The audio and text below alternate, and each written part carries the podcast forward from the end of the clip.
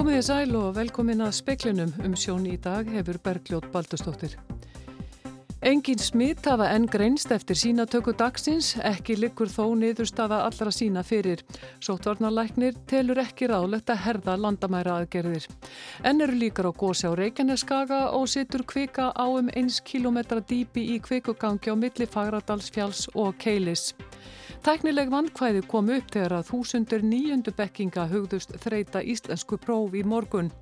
Fórstjóri Livjastofnunar segir að með aukinni framlegslu getur stæstu Livjaframleðandana sé að rofa til á bóluefnamarkaðnum.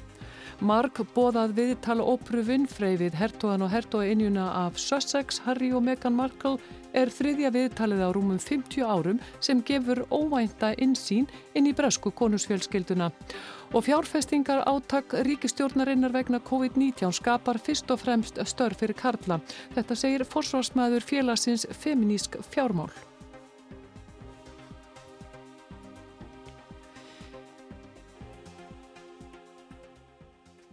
Niðurstöður sínatöku dagsins hafa ekki leitt neyn smitt í ljós. Vel gekk hjá heilsugæslin í dag og voru um 1400 síni tekin. Niðurstaða þeirra likur ekki fyrir að fullu. Eftir smitlausar vikur undanfarið greindust þrjú smitt um helgina.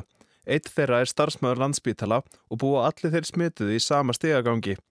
Einstaklingur kom frá útlöndum í lok februar og smituðust tveir út frá honum. Ekki er talið að neittnina smituðu hafi brotið sóttvarnarreglur.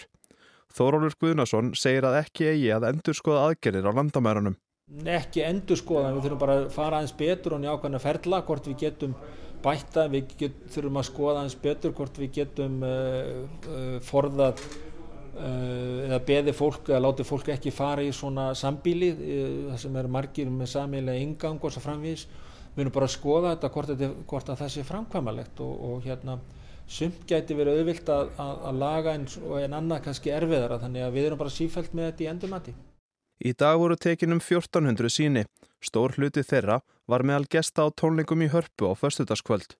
Þið voru á tónlingunum? Ó já. já. Hvernig er tilfinningin að vera köllað inn í sínatöku eftir tónlingan?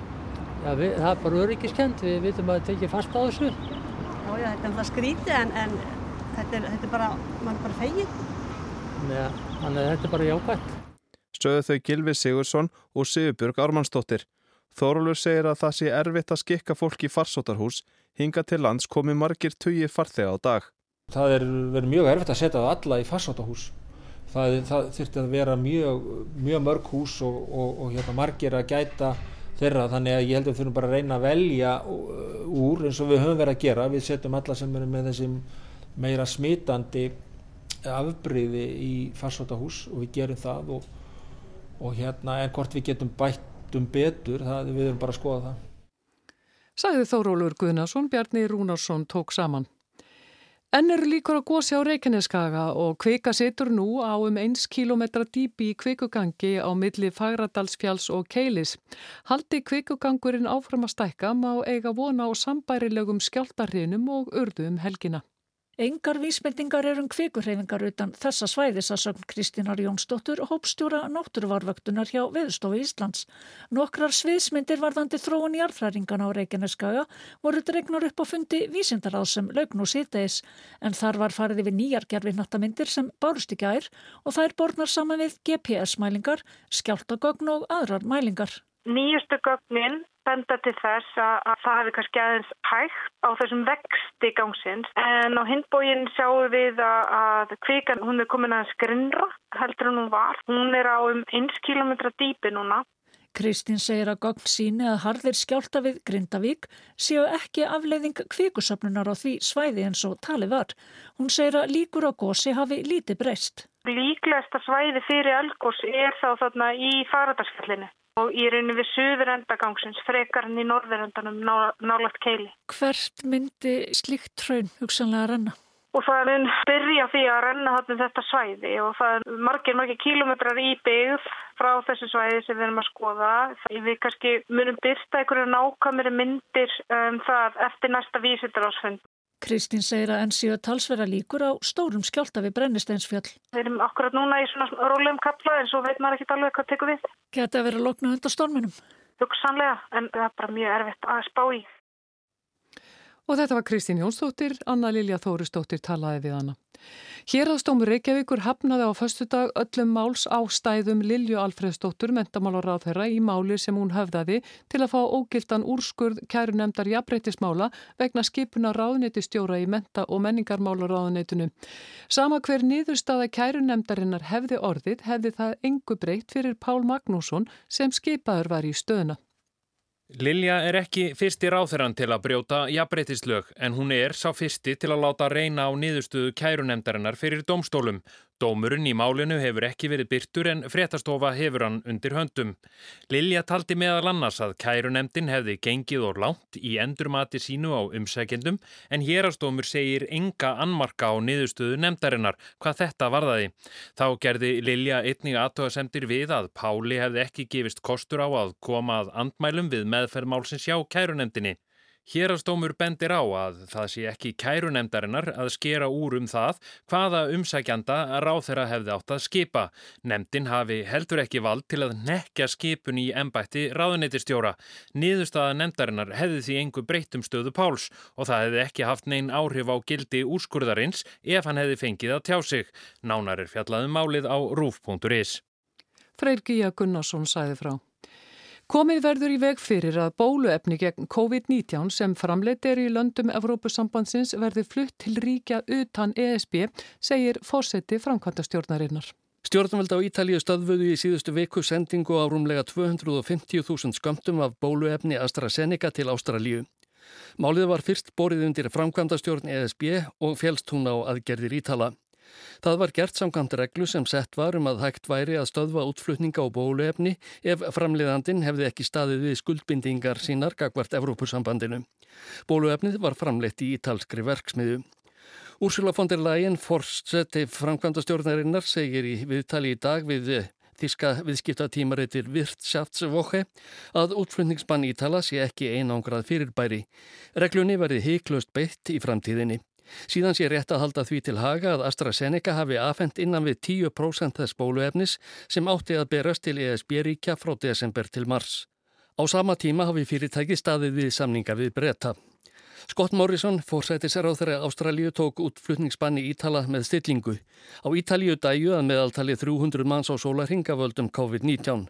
Hann hefði því fullan skilning á að stjórnvöld þar og annar staðir í Evrópu væri á áhugi full vegna ástandsins.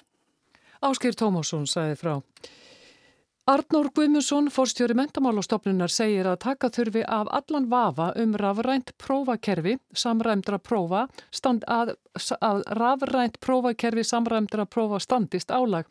Vandkvæði komu upp við íslensku prófi í morgun. Og ákom því að fresta þeim til næsta mándag samráði við mentamálaráðunitið og þannig opnum fyrir nýjan prófaglöka það mándaginn og 14. ámunum síðan hafa opið í tver vikur til 27. mars. Skólar geta valið hvenar prófin verða lögð fyrir og nefnendur sem lendi í vandræðu með íslensku prófið í morgun geta tekið það á þeim prófdegi sem skólin ákveður. Arnór segist vonast til að sjá fyrir endan á tæknilegum vandkvæðum. Ef við hafa lengri prófglöka þá dreifist álæði líka á kerfið. Að við, já, við lefum nokkuð vissum að þetta gangi fyrir sig vel fyrir sig þegar prófum fara staðatur. Og þetta var Arnór Guðmundsson, Markus Þórhalsson talaði við hann. En bætist í hóp þeirra kvenna sem leita réttarsýns vegna þess að þær telja sig að hafa fengið ranga greiningu í skimun við leghálskrabbameini hjá krabbameinsfélaginu. Farið hefur verið fram á skadabætur í málum 6 kvenna, bótaskilda í máli 1 hefur verið viðurkend og yfir 10 málum hefur verið vísa til embættis landlæknis til skoðunar. Í fyrra komi ljósa starfsmæður krabbaminsfélagsins hafi gert mistök við greiningu leghálsína og í kjölfari voru síni 6.000 kvenna endurskoðuð. Fréttastofa greindi frá því í november að tryggingafélag krabbaminsfélagsins hefði viðkjönt bótaskildi í máli einnar konu vegna rángrar greiningar. Sæfa Þóri Jónsson, lögmaður kvennana, segir að málum 50 kvenna vegna þessa hafi komið inn á hans borð og að 1.50 þeirra sé nú til skoðunar hjá ennbætti landlagnis. Og þau mál sem snúa krabbaminsfélaginu í heildina í dag eru um það byl 11 Það er einn 23 mál sem eiga eftir að fara til landlæknis þannig að þau gætu verið á milli 11 og, og 13. Í flestum þessara mála er, er gerð krafa um greiðslu skafabóta. Sævar segir að upphæð þeirra skadabóta sem verður krafist sé mishá. Þrjár hvennana séu látnar og aðrar mikið veikar. Þannig að það tekur svolítið miða því og uh, hverja líkur eru á bata eða ekki bata. Í svona þessum alvarlegum tilvikum þá er það í ykkurum 20 miljóna.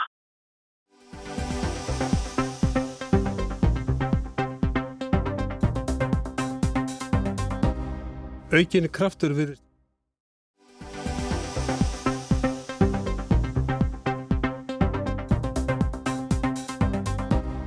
Aukinni kraftur við Fórstjóri Livjastofnunar segir að með aukinni framleysli getur stærstu Livjaframleðandana sé að rofa til á bólefnamarkaðnum. Stutt sé í að markaðsleifi verði gefið út fyrir bólefni frá Jessen. Ísland hefur samið um að kaupa á bólefni frá Jessen fyrir 235.000 manns Aukinni kraftur virðist vera að færast í framlegslu bóluefnis. Fórseti framkvæmdastjórnar ESB gerir áð fyrir að sambandi fá í sinn hlut tvöfald fleiri bóluefna skamta í næsta mánuði eða 100 miljónir skamta á mánuði á öðrum ásfjörningi. Gangi þetta eftir komið með 80.000 skamtar til Íslands á mánuði á öðrum ásfjörningi. Miða við að spröyta þurfi tvísvar nægir þetta til að bólusetja 120.000 manns. Um 20.000 er þau spröytar á viku þess að þrjá mánuði, april, mæ og júni. Sér aðeins miða við virkadaga er þau 4.000 manns bólusettir á dag, fengi annarkort fyrri eða setni spröytu. Reynda líða 12 vikur á milli bólusetninga með AstraZeneca. Rúna Högstóttir Kvanberg fórstjóri Livjastofnunar er saman á því að það sé að rofa til í framleistu bóluefna við COVID-19. Hún vil tóbenda á að þessi atbyrgarás hafi verið ótrúlega hægt að verið að þróa bóluefni, fá markaðsleifi og byrjað framlega það frá því að faraldurinn braust út fyrir einu ári. En það er velur að vera að rofa til núna með aukinni e, framlýslugetu hjá þessum stóru aðilum eins og Pfizer og, og AstraZeneca sem eru komin með e, bólefni sem hafa e, markasleifi í mjög mörgum löndum. Svo sjálfsögum mun þetta hafa áhrif á þá. Það er að koma nýjir framlýslustaðir hjá þeim. Íslenska stjórnut hafa samið um kaupa bólefni sem ægi fyrir um 630.000 manns. Íslendingar eru 370.000 talsins. Þetta er nokkur yflegt því ekki gert ráð fyrir að þeir sem eru yngre en 18 ára verði bólusettir að mista kosti ekki til að byrja með. Umsamtir skamta frá Pfizer döga fyrir 125.000 manns, frá Moderna fyrir um 64.000 og skamtar frá AstraZeneca fyrir 115.000. Samningur hefur verið gerðið við CureVax um bólefni fyrir 90.000 manns en eitthvað er í land að það bólefni verða fullu samþygt. Hins vegar hefur verið samið um kaupa á bólefni sem dugir fyrir um 235.000 manns við fyrirtæki Janssen. Ákvöru Lífjastofnunar Evrópu um að veita Janssen markarsleifi er handað við hornið. Stofnuninni gefur hugsanlega grænt ljós í þessari viku eða næstu. Vinnuregla Lífjastofnunar hér er að gefa út markarsleifi um leið og svo evróska. Rúna segist ekki geta sagt til um að bóluefni frá Janssen fari strax að streyma til landsins. Líklast verður það frekar í, í, í april. Oft er einhver, einhver svona tímabil frá því að markaslefi hefur gefið út ánga til að, að e, viðkomandi framlegandi skuldbundi sér til að afhenda á, á hinnum ímsi stöðum í, í Evrópu í þessu tilfelli. En ég veit að hins vegar að, að Janssen er að horfa til þess að geta fengið aukna framlýslu getu þá hjá öðrum uh, framleiðendum sem hafa verið sagt, í bólefnum áður til þess að geta auki við framlýslu sína uh, mjög hratt. Og það er náttúrulega mikilvægt að benda á það að Janssen bólefnið er, verður bara gefið einu sinni svo þá þarf ekki að fara í hérna setni uh, bólusetningu og það með líka skipta töluvert miklu máli. Rúna segir að líklega séu næstu bólefni á markað frá CureVax, einnig Sputnik 5 frá Rúslandi og loks Novavax. Þessi bólefni eru í áfangamati hjá Evrósku livjasofnunni. Þau gæti því verið á næstu grösum. ESB hefur gefið grænt ljós á að ríki sem eiga aðeldað bóluefna samstarfið sambansins geti samið upp á eigin spýtur við livjaframlegendur. En er það eitthvað sem kemur til greina af hálfu Íslands? Rúna bendur á að þetta sé ekki á verksviði livjastofnunar. En þegar við erum að horfa til þess að bæði svona stórir aðilar eins og AstraZeneca og, og, og uh, Pfizer séu að auka framlýslugetu sína þá kannski eh, ekst eitthvað, eitthvað svigrum og svo er Janssen að koma inn á markaðin og einhverju fleiri fljóðlega í, í kjölfari svo þú veist, möguleikarnir eru orðnir miklu fleiri eftir því sem framleiðinir eru orðnir, orðnir fleiri markasleifishafarnir eru orðnir fleiri og framleiðslu staðinir eru farnir að, að, að eh, geta annað meira eftirspurn Frambóða bóluefni gæti verið að aukast í áallunum stjórnvalda hefur verið gert ráð fyrir að loki verði að bólusetja 190.000 Íslendinga fyrir júni lók. En er Rúna Björnsinn á að það takist jafnvel að bólusetja fleiri fyrir þann tíma? Ég er bara frekar, bó, sko frekar eh, jákvæða á það mér og Bjart sín á það að það, við munum ná þessum skömmtum til landsins eh, og ég byggi það nú bara raunverulega á því að framlýslugetan er, er að aukast og það er að koma eh, fleiri aðilar inn á markaðin sem eru að, að bjóða og geta bóðið eh, eh, bólefni.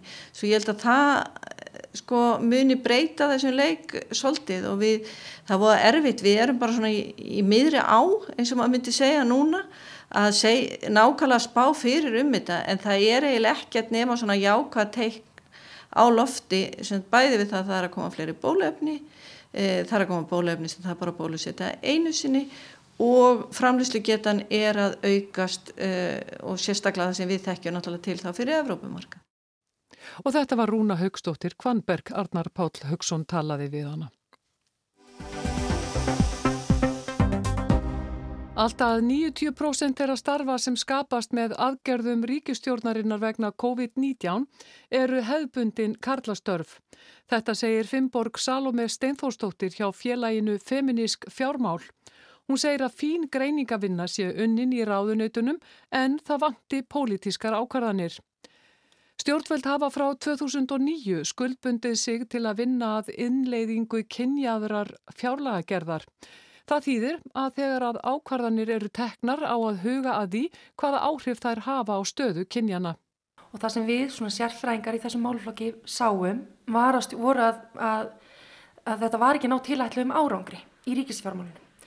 Þannig við sáum að var verið að vinna jafnbryttismat á alls konar hlutum en alltaf eftir á. En markmið með kynjum fjármálum er að við byggjum á þekkingu um stöðu kynjana í samfélaginu, notum svo peningana til þess að reyna að stöðla jafnbretti. Feminísk fjármál, félag áhuga fólks og sérfræðinga um kynjuð fjármál var stopnað 2018. Markmið félagsins er að veita stjórnvöldum aðhald og ebla þekkingu á kynjuðum fjármálum. Í félaginu starfa kynjafræðingar, hagfræðingar, félagsfræðingar og áhuga fólk um kynjuð fjármál. Vinnafélagsins hefur snúist um að skrifa umsagnir við fjármála áætlanir, frumvörp til fjárlaga og einstöklaga frumvörp. Finnborg starfar við rannsóknir á kynjuðum fjármálum í Háskóla Íslands og er með doktorspróf í kynjafræði. Spurningin snýst um hvernig hægt sé að íta jafnrétti áfram því það gerist ekki af sjálfu sér. Það er ekki nóg að setja lög eða setja mitt kynju fjármál í lögin, það þarf að vinna eftir því. Um, og við hefum verið að horfa til sko feministkra hreyfinga í öðrum löndum og þá sérstaklega til Breitlandsega þar er uh, UK Women's Budget Group og líka sambarileg hreyfing í Skotland og Írlandi. Og þær hafa verið starfandi síðan 1989 þannig að þetta er alls ekki nýtt, nýtt af nálinni. En við erum að sjá að þetta við teljum að þetta sé svona tæki til þess að reyna að íta þessu áfram Lög og fjármál hafi yfirbræð kynhlutleysis og virki eins og það þurfi ekki að ávarpa kyn eða aðra félagslega þætti. En hvernig fjármunum er stýrt í samfélaginu endur spekli hvaða störf eru talin verðmætt og hver ekki. Fjárlögin eigi að hafa réttlætis sjónarmið og skilvirkni að leiðarljósi. Og það er gott dæmi til með COVID-greppa núna að ef aðgerri stjórnvalda hafa önnur áhrif en ætlað var þá eru það ekki skilvirkar aðgerðir. Þannig að við erum að sjá í COVID er verið að nota aðgerðir sem eru endur nýttar úr kreppunni 2008, bankakreppunni og við erum að sjá að það er ekki að skapa störf fyrir það hópa sem þurfa á störfum að halda. Eða betrum bæta stuðu hópsins sem þarf mest á því að, að stendur höllustum hæti í samfélaginu. Þannig að það er það sem við erum að reyna að benda á að, að, að þetta er þá ekki góð aðgerð. Ok, segðu mér þá, þið sem sagt ákváðuð að greina aðgerðirnar og er, hverjar eru helstu niðurstöðunar? Já, við fengum styrk frá uh, Jafnbryttsjóðu til þess að greina efnagsækir stjórnvalda í, í kjálfar COVID-19 og helstu niðurstöðunar eru að, jú, þar eru ekki til þess vallnar að stuðla ykkur auknu jafnbrytti, þar eru ekki að grýpa þá hópa sem þurfa helst á, á stuðningi að halda, um, til dæmis atvinnuskapandi aðgerir, það er ekki verið að skapa atvinnu fyrir fólki sem sko, verður mest úti, þú veist, í uh, misti vinnuna í COVID, við sjáum til dæmis eins og í ferðarþjónustu og þjónustörfum, fólk að verðlundum uppruna, konur og fólki sem var orðið atvinnulöst fyrir COVID. Það fólk þarf líka að fá ykkur atvinnuskapnað aðgerðir. En það fjekk það ekki sem sagt með þessum aðgerðum? Nei, fjárfestingar og fjárfestingar átak ríkistjórnarinnar og átaki allir vinna, það er rauninni skapar atvinnu fyrst og fremst fyrir kalla. Talið um alltaf 90% starfa sem skapast er í svona keðbundin kallastörf. Myndur þú segja þá þetta hafi mist margs? Já, við myndum nú segja að auðvitað voru þessar fjárfestingar mjög mikilvægar en við teljum að það þurfa að stíga sko, skrifi lengra. Það þarf að fjárfesta uh, í heilbriðiskerfinu, félagslega kerfinu, velferðarkerfinu. Þar sem sko hefðbundi hvernastörf eru. En það sem við sjáum líka í COVID er að þetta eru störfum sem eru framlýnistörfin sem verða sko bara álægið og áhættan eksta þessum hópi. Og það þarf náttúrulega líka umbuna þeim í samræmi við það. Á hverju ári síðan 2018 hefur félagið Feminísk fjármál sendt stjórnvöldum álit sitt á fjármála áætlun og fjárlögum og bent stjórnvöldum á að þau eru ekki að vinna samkvæmt eigin markmiðum.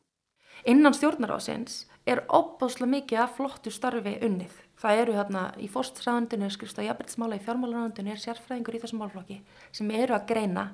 En það sem við sáum að vandar er að stjórnvöld grípi boltan því hafið þess að þekkingu gera eitthvað við hana, reynið að, að vinna því að stuðla jafnbretti og það er það sem við viljum að, það er sem, þar sem við mætum inn. Vandar þá eitthvað í framkvæmdini eða aðgerðunum? Já, ég myndi segja að það sé verið að vinna alla vinnuna innan stjórnarásins af sérfræðingum í þessu máluflokki en það vandar til dæmis að pólitíkinn taki annars konar ákvarðanir. Finnborg segir að feminískum greiningum á fjármálum hafi fjölgað og þekkingin sé mun meiri nú en var áður. En aftur það verður endur nýta aðgerið sem við þekkjum og vitum hvaða afleggingar hafa.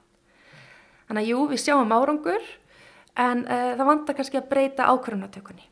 Ef að þú fengir núna tækifæri til að bara breyta því sem þú vilt breyta, hva, hvað myndur gera til að ná þessu fram? Eða er hver er ídæl staðan hjá þér? Þú minna ef ég veri fjármálur á þeirra?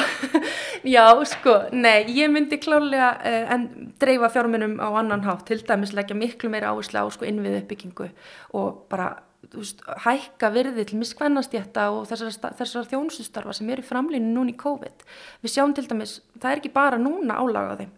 Hvernig, hver verður framtíðin eftir COVID? Þegar þetta fólki kannski brunnið út og, og, veist, og, og bara ennþá að berjast sko, í bökkunum með þessi laun sem við fá. Svo myndi ég líka til dæmis bara hækka aðtunleysbættur. Það er ekki réttlátt og það er ekki efnagslega hagkvæmt að, fólk, að fólk festist í fátækt. Þannig að við þurfum að hugsa einhvern veginn upp að allir einhvern veginn geti átt sjans í samfélaginu og, hérna, og reyna þannig að brjóta þetta niður saman. Og þetta var Finnborg Salome Steinforsdóttir.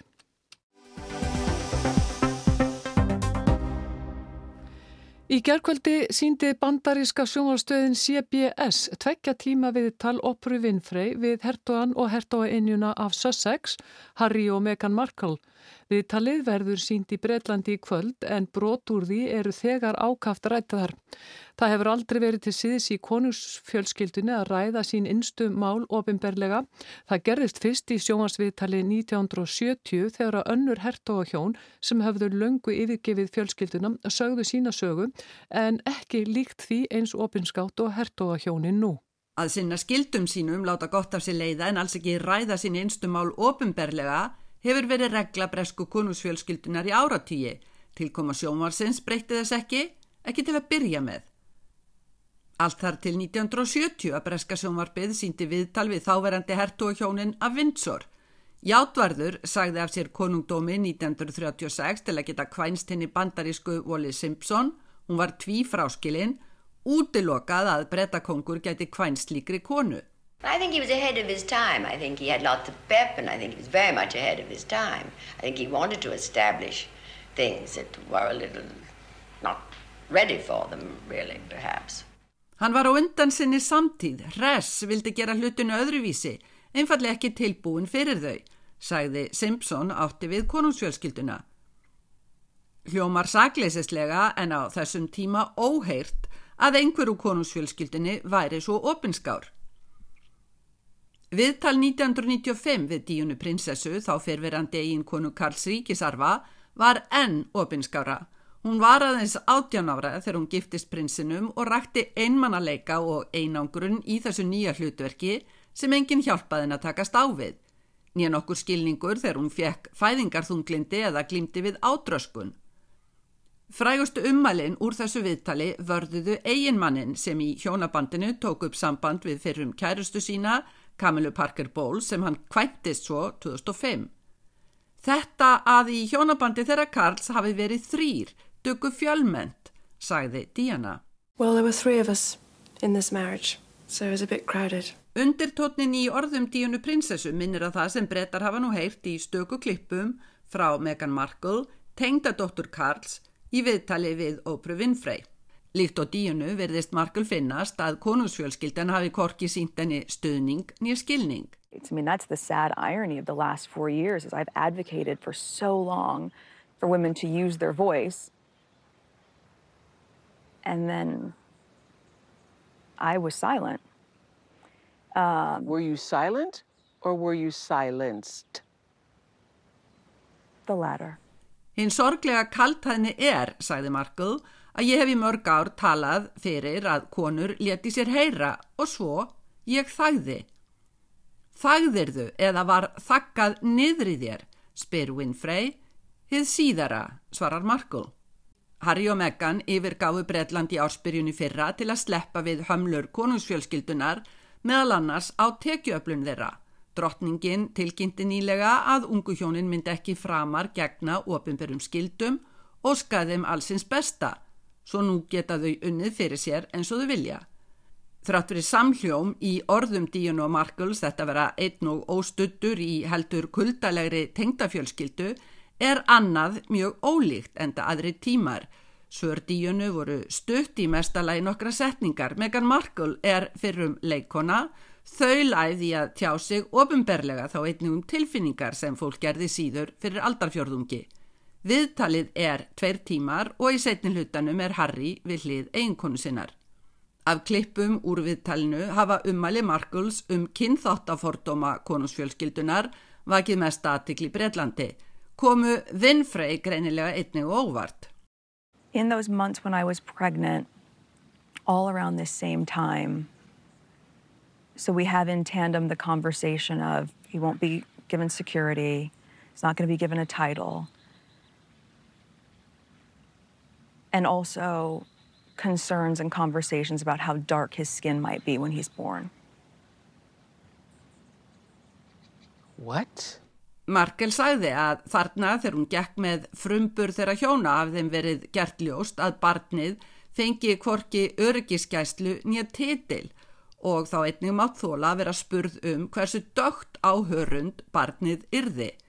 Winfrey sem sjálf er blökkukona hváði. Móður Markles er svört, fadurinn hvítur. Það hefur komið fram að Harry hafi verið spurður að þessu ekki Markle en hann muni aldrei upplýsa hver það var.